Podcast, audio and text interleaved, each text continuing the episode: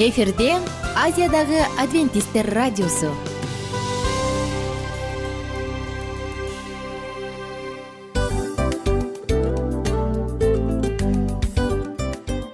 Достор салют. Баардык сүйүктүү угармандарыбызга салам айтабыз. Кутман күнүңүздөр менен. Ден соолук өмүрдүн булагы демекчи саламат саамы программасында баарыңыздарды көргөнүбүзгө абдан кубанычтабыз. Анда алгач амандашып өтөлү арбаңыздар деп. Ден соолугуңуздар кандай элибизде көбүнчө ден соолук кандай дегенде эле жакшы деп жооп беребиз э? ооруп турсак дагы жакшы дейбиз. Анан мен муну айтып ойлойт элем бул абдан сонун сөз депчи анткени бул жакшы деген үмүт да э ооба баары жакшы болот баары сонун. Деп үмүттөнүп атып эле өзүбүздү өзүбүз дарылап коебуз. Анысы кандай? Сиздин дагы ден соолугуңуз жакшы беш деген үмүттөбүз чындыгында ден соолук бул өмүрдүн булагы деп бекеринен айтылган эмес деп ойлойм. Кыргыз элинде анткени эгерде ден соолук жок болсо анда адамдын жашоосунда калган баардык керектүү маңыздуу нерселер өзүнүн баалуулугун жоготуп коет. Ошондуктан ден соолук бул эң керектүү нерсе. Ооба туура айтасың кесиптешим чынында ден соолугуң жок бир эки үч күн ооруп калсаң эле кандай болуп калат? Жашоодо көз каранды болуп каласың көп нерсеге жетишпей каласың көп нерсени кыла албай каласың жада калса эшикке дүкөнгө да чыга албай каласың. Туптуура анан ден соолук болсо демек биз биздин бактыбыз тоодой деп койсок болот. Анда достор саламат саамы рубрикабызды баштайлы. Алдыда өзүңүзгө керектүү болгон сонун кеңештерди уга аласыздар. Мына ошондуктан биз менен бирге болуңуздар. Ал эми биз болсо милан жана айнура. Кеттик алга. Алга саламат саама ден соолуктун жарчысы. Саламат саама ден соолуктун ачкычы. Күн сайын сиз үчүн мыкты кеңештер сонун жаңылыктар кызыктуу фактылар биздин рубрикада.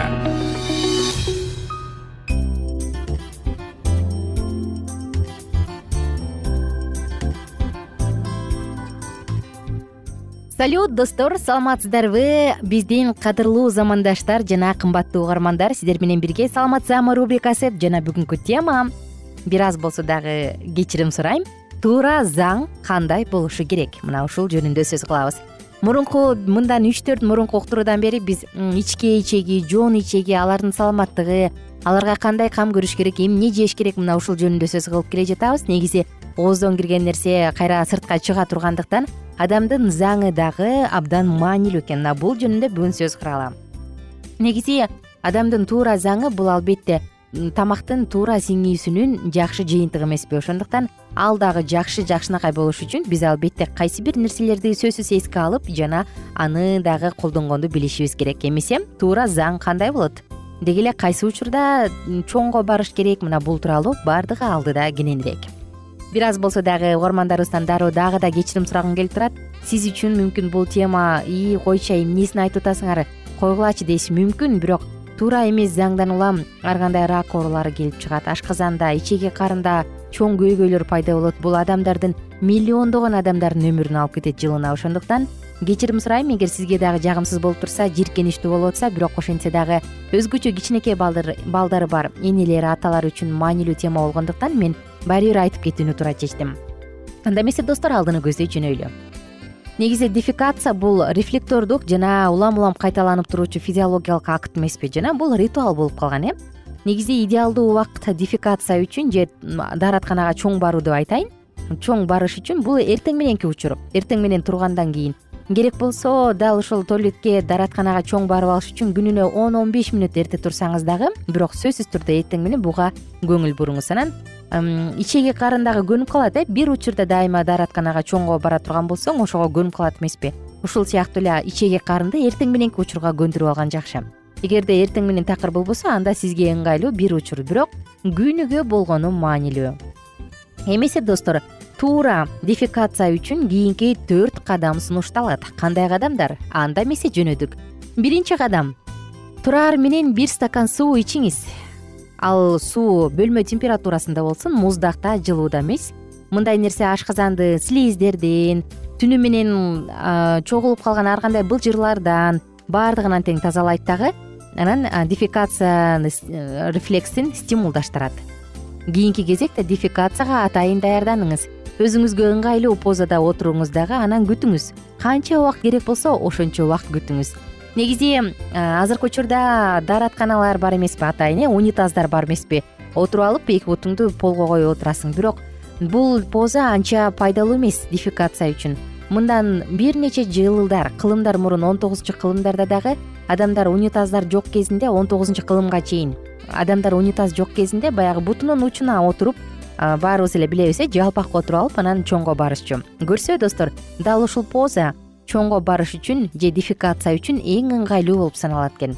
Анткени мында ичеги карын эч кандай бузулууга дуушар болбойт жана ар кандай жаракаттар бунда эч кандай болбойт ошондуктан бул эң эле коопсуз поза болуп саналат. Эми корточкага деп же болбосо бутка отуруп алып туруп чоңго баргандын кандай артыкчылыктары бар? Мында аналдык жаракат кетүү өтө эле аз болот. Эгерде мурун бар болгон болсо анда ал көп оорубайт жана батыраак айыгат. Ошондой эле геморройдун чыгып кетүүсүнө геморройго дуушар болуу коркунучу өтө эле төмөн жокко эсе. Жана ошондой эле дибертукулездун өрчүү коркунучу дагы өтө төмөн. Дагы кийинки айта турган болсок пах деп коет эмеспи э? Же эркек балдарда көбүнчө бул ала жагында грыжа пайда болот эмеспи дал ушул грыжанын пайда болуу коркунучу дагы төмөн. Э, заң курсактан иштен чыгыш үчүн өтө чоң көңүл буруп же болбосо өтө чоң күч келтирип кереги жок. Мында ал заң оңой эле чыгып кетет. Бул болсо буттун учунан же болбосо бутка отуруп алып дааратканага баруунун бир артыкчылыктары болду. Эми достор биз андан ары саатты уланталы. Дефекациянын туура болушу үчүн кийинки үчүнчү кадам бул эмне өзүңүздүн заңыңызга көңүл буруңуз деп айтмакчымын. Анткени ал кандай болуп жатат? Эгерде заң бузулган болсо анда сөзсүз түрдө кандайдыр бир оору бар. Эгерде заңдын өңү жок болсо ахалический деп коет э? Анда өңү жок же болбосо түсү кетип калган болсо анда кандайдыр бир оорудан кабар бериши мүмкүн. Жана бул адамдын денесинде ачуу же желчтердин бөлүнүп чыгышына байланыштуу. Эгерде заңда кан бар боло турган болсо демек мында кайсы бир аналдык трещина жаракат геморрой ичеги карындын полипи дивертукулит же жоон ичегинин рак оорусунан кабар бериши мүмкүн. Кургак боло турган болсо же кээ бирөө айтып коет э койдун богундай болуп депчи ушул сыяктуу болсо демек жоон ичегиде кандайдыр бир көйгөй бар экенинен кабар берет лента сыяктуу заң боло турган болсо жоон ичегиде анда көйгөй бар ал кыжырданып козголуп калган жана ошондой эле ичеги карында спазма бар экенинен көңүл бурат кара боло турган болсо заң анда демек ашказан же жоон ичегиде кровотечение же кан куюлуу болуп жатканынан белги берет заң өтө эле майлуу боло турган болсо анда кайсы бир ферменттердин жетишсиздигинен кабар берет. Жана ошондой эле кийинки төртүнчү кадам бул азыркы западта батыш өлкөлөрүндө азыр отуруп алып туруп анан дефекация кылат эмеспи чоңго барат эмеспи? Андан кийин сөзсүз туалетный бумага же даарат кагаздары менен колдонуп келишет. Негизи бул целлюлеза даарат кагаздары адамдын дал ошол арткы тешигин кыжырдантып ал жакты жаракат келтиргендиктен канчалык жумшак болбосун. Баары бир ал жаракат келтирет жана мында ал толугу менен артты тазалай албайт даарат кагаздары. Мына ошондуктан достор анын ордуна жөн гана гигиеналык способ же ыкманы колдонуп ал жакты жууп койгон жакшы суу менен жууп коюу бул албетте сиздин ден соолугуңузга жакшы кам көрөт. Ошондуктан душпу ваннабы бул нерсени колдонуңуз дагы анан чоңго баргандан кийин дефекация кылгандан кийин сөзсүз түрдө сууну колдонуп жуунуп койгонуңуз жакшы. Туура заңдын салмагы эки жүз грамм же андан көбүрөөк болушу керек өтө суюк өтө катуу да болбошу керек. Өңү болсо күрөң болгону жакшы жана анда ар кандай пена кан же кандайдыр бир былжырлар болбошу керек. Достор мен болсо сиздер менен коштошчу учурга келдим. Оорубаңыздар өзүңүздүн саламаттыгыңызды көзөмөлдөңүз анткени ден соолук биринчи байлык. Кайрадан амандашканча бар болуңуздар кененирээк маалыматтар үчүн үч w чекит саламат чекит клуб сайтына келип таанышыңыздар. Жана андан тышкары социалдык тармактарда youtube facebook жана instagram баракчаларына катталыңыз.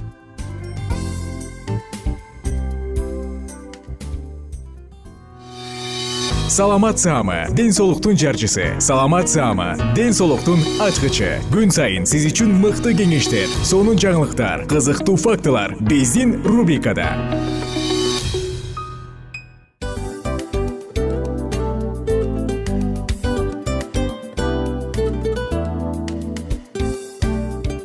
салам достор.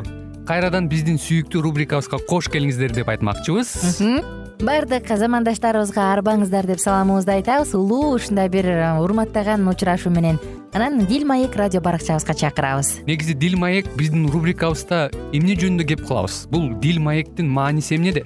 Рубрикабыз менен кичине тааныштырып кетсеңиз сөзсүз түрдө тааныштыра кетейин. Кесиптешим суранычы боюнча бул учурда бул радио баракчада биз ар тарап кесип ээлеринен сонун кеңештерди алабыз сүйлөшөбүз сырдашабыз. Аталарыбыздын эжелерибиздин апаларыбыздын кеңештерин угабыз. Айтор жан дүйнөгө адамдын э, сапатына адамдын деги эле адам болуп жашашына керектүү баардык кеңештер алдыда негизи э, дил маек дегенде баягы эки адамдын ортосундагы сырдашуу кенен сүйлөшүү. Негизи эле биз адамдар бири бирибиз менен бир жерге жай жерге отуруп алып өзүнчө тынч жашоо жөнүндө өмүрүбүздө эмне болуп атканын бөлүшкөнү жакшы көрөбүз э адамдар. Ооба туура айтасың.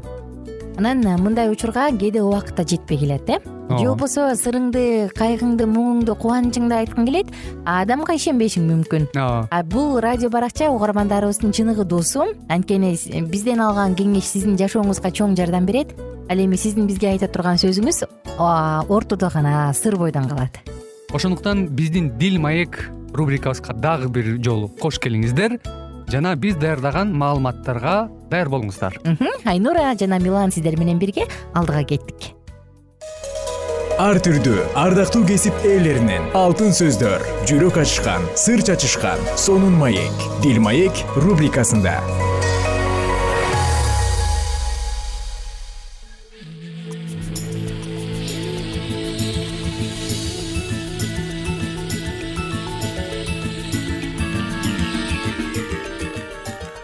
амансыздарбы кадырман радио угуучуларыбыз. Кайрадан эле биз сиздер менен бактылуу никенин баалуу эрежелери аттуу уктуруубузду баштайбыз.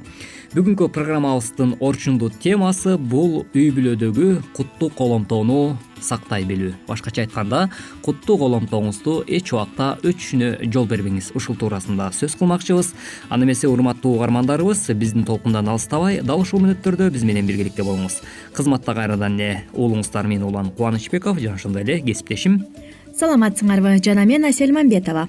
Үй бүлөнүн куттуу коломтосун өчүрбөй жылуу кармай билүү эки жубайлардан көз каранды экендиги шексиз. Андыктан бул туурасында дагы ойлоно билүүбүз абдан зарыл эмеспи. Ушул убакытта болуп жаткан ар бир нерсени баалай билгениңиз абдан маанилүү. Анткени жашооңузду кийин жана эртең деген убакытка эч убакта калтырбаңыз. Кийин ушундай болот деп күтүп отура берсеңиз андан эч кандай майнап чыкпайт азыркы учурда жашап жаткан жашооңузга ыраазы болбосоңуз анда сиз кийинки жашооңузда дагы эч убакта ыраазы болбойсуз.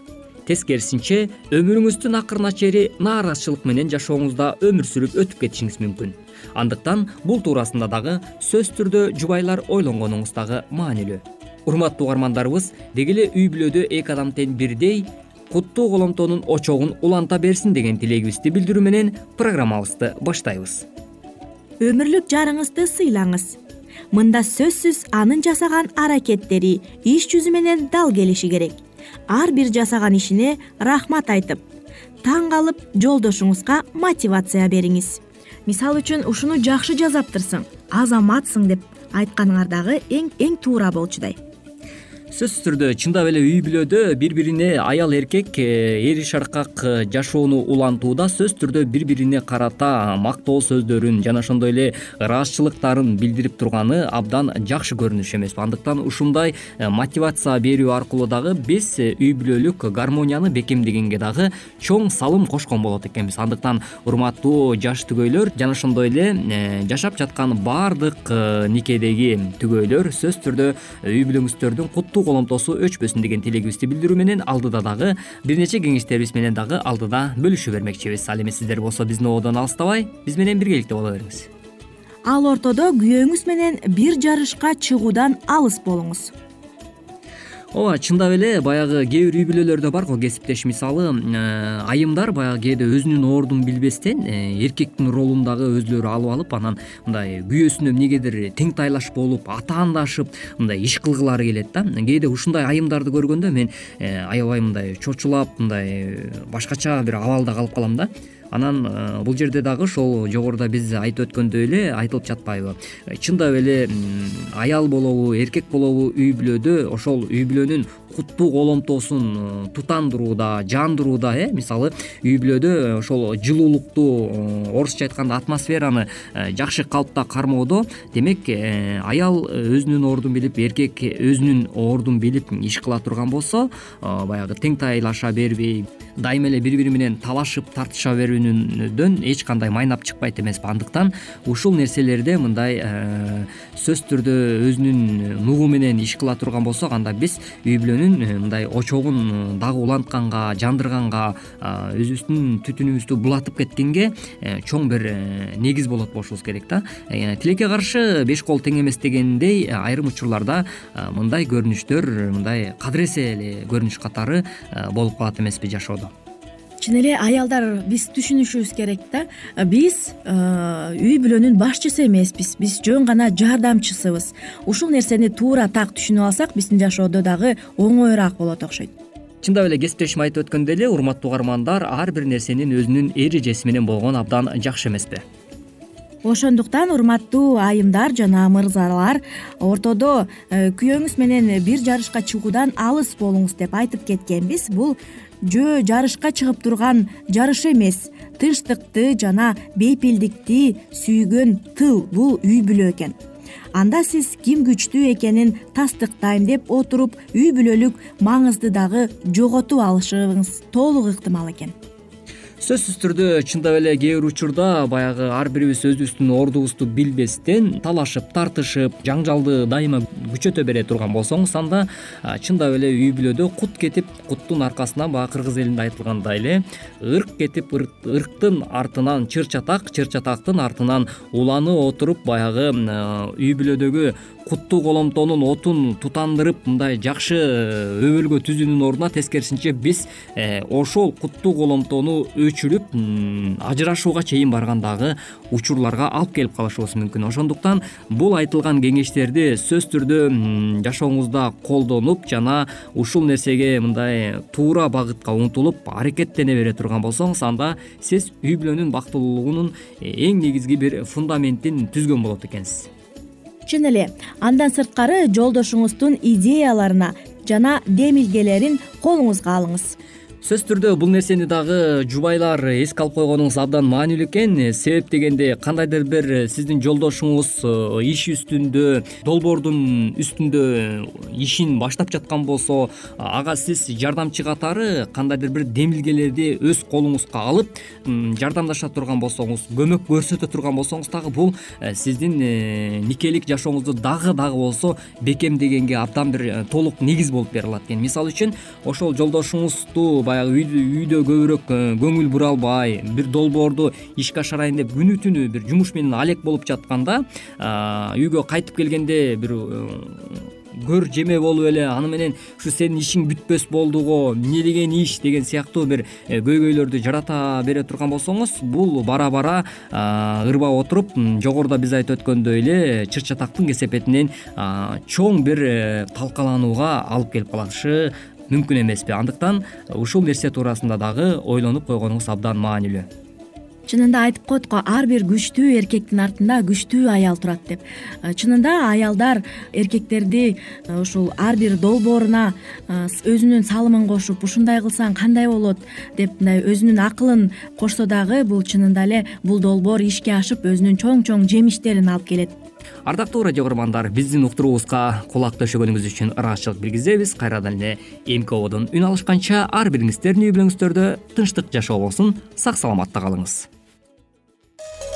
Ар түрдүү ардактуу кесип ээлеринен алтын сөздөр жүрөк ачышкан сыр чачышкан сонун маек дил маек рубрикасында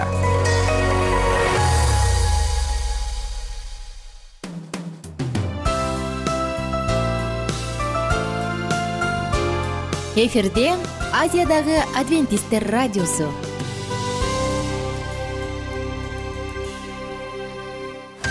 Жан дүйнөңдү байыткан жүрөгүңдү азыктанткан жашооңо маңыз тартуулаган жан азык рубрикасы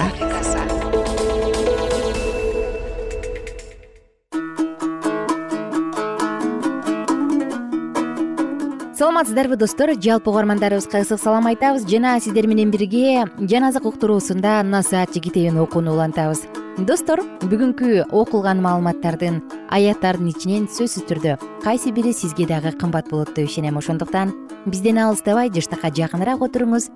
Үн алгынын үнүн катуураак чыгарыңыз дагы анан баардык көңүлүңүздү бизге буруңуз анда эмесе алдыңкы мүнөттөр сизге эң жагымдуу учурлардан болсун насаатчы китеби онунчу бөлүм.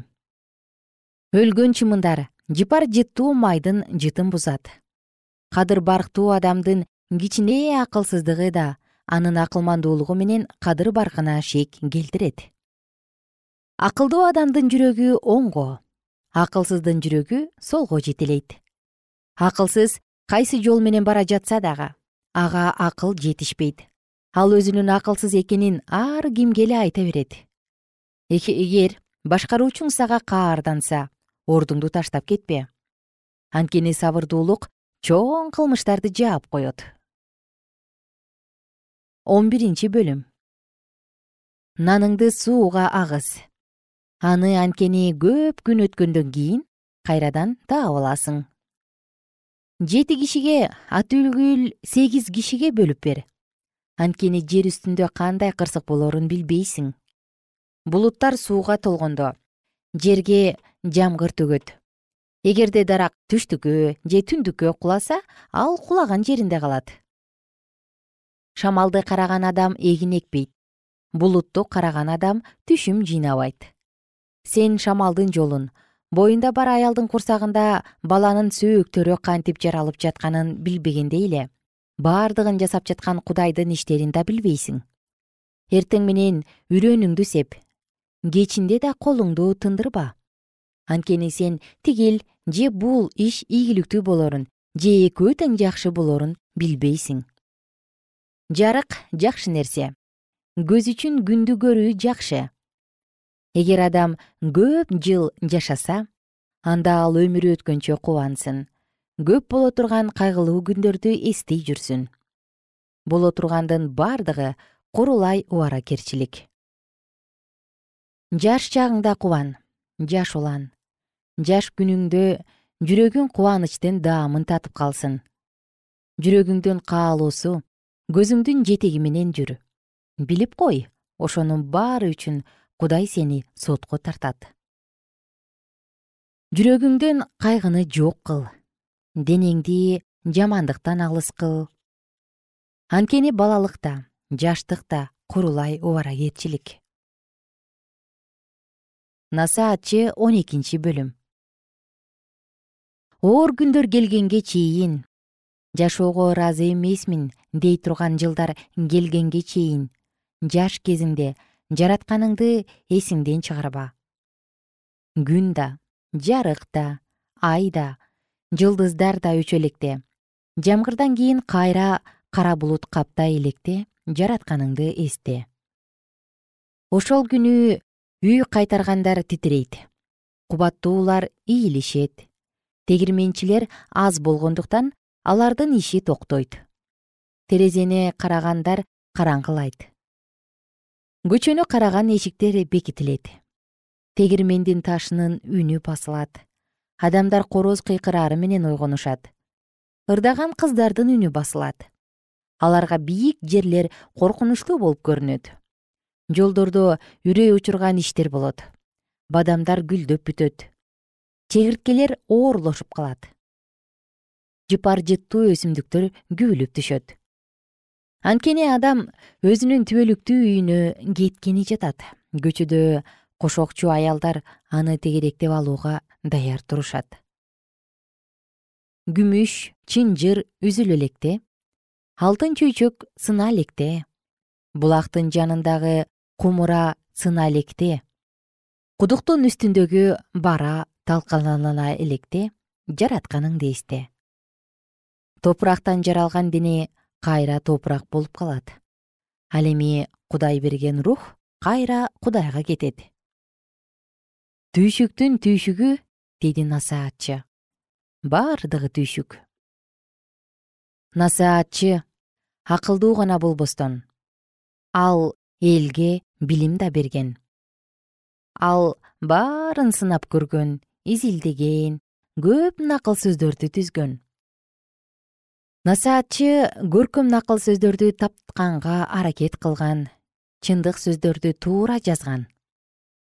Акылдуу адамдардын сөздөрү ийнедей кагылган мыктай аларды түзгөндөр бир кайтаруучудан. Ал эми ушул сөздөрдөн тышкары айтылган сөздөрдөн сак бол уулум. Китепти көп жаза берсе аягы болбойт. Көп окуса дене чарчайт. Баарынын жыйынтыгын угалы. Кудайдан корк. Анын буйруктарын аткар. Анткени бул адамга өтө керек. Анткени кудай ар бир ишти соттойт. Ар бир жашыруун ишти. Ал жакшы иш болобу же жаман иш болобу кудай соттойт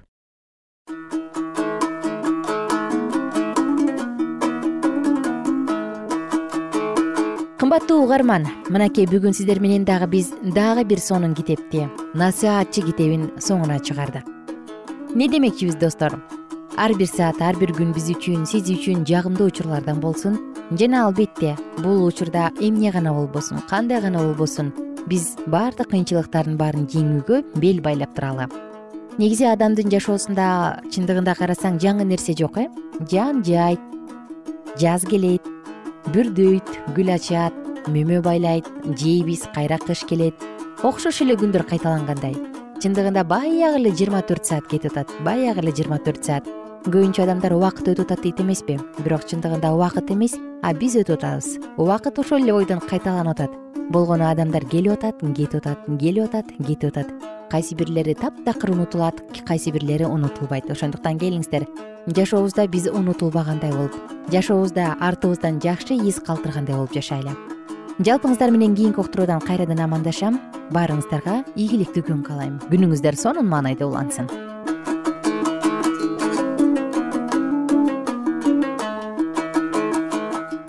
эгер сиздерде суроолор болсо же көбүрөөк маалымат билем десеңиз анда биздин whatsapp номерибизге жазыңыз. Плюс бир үч жүз бир жети жүз алтымыш алтымыш жетимиш. Кайрадан плюс бир үч жүз бир жети жүз алтымыш алтымыш жетимиш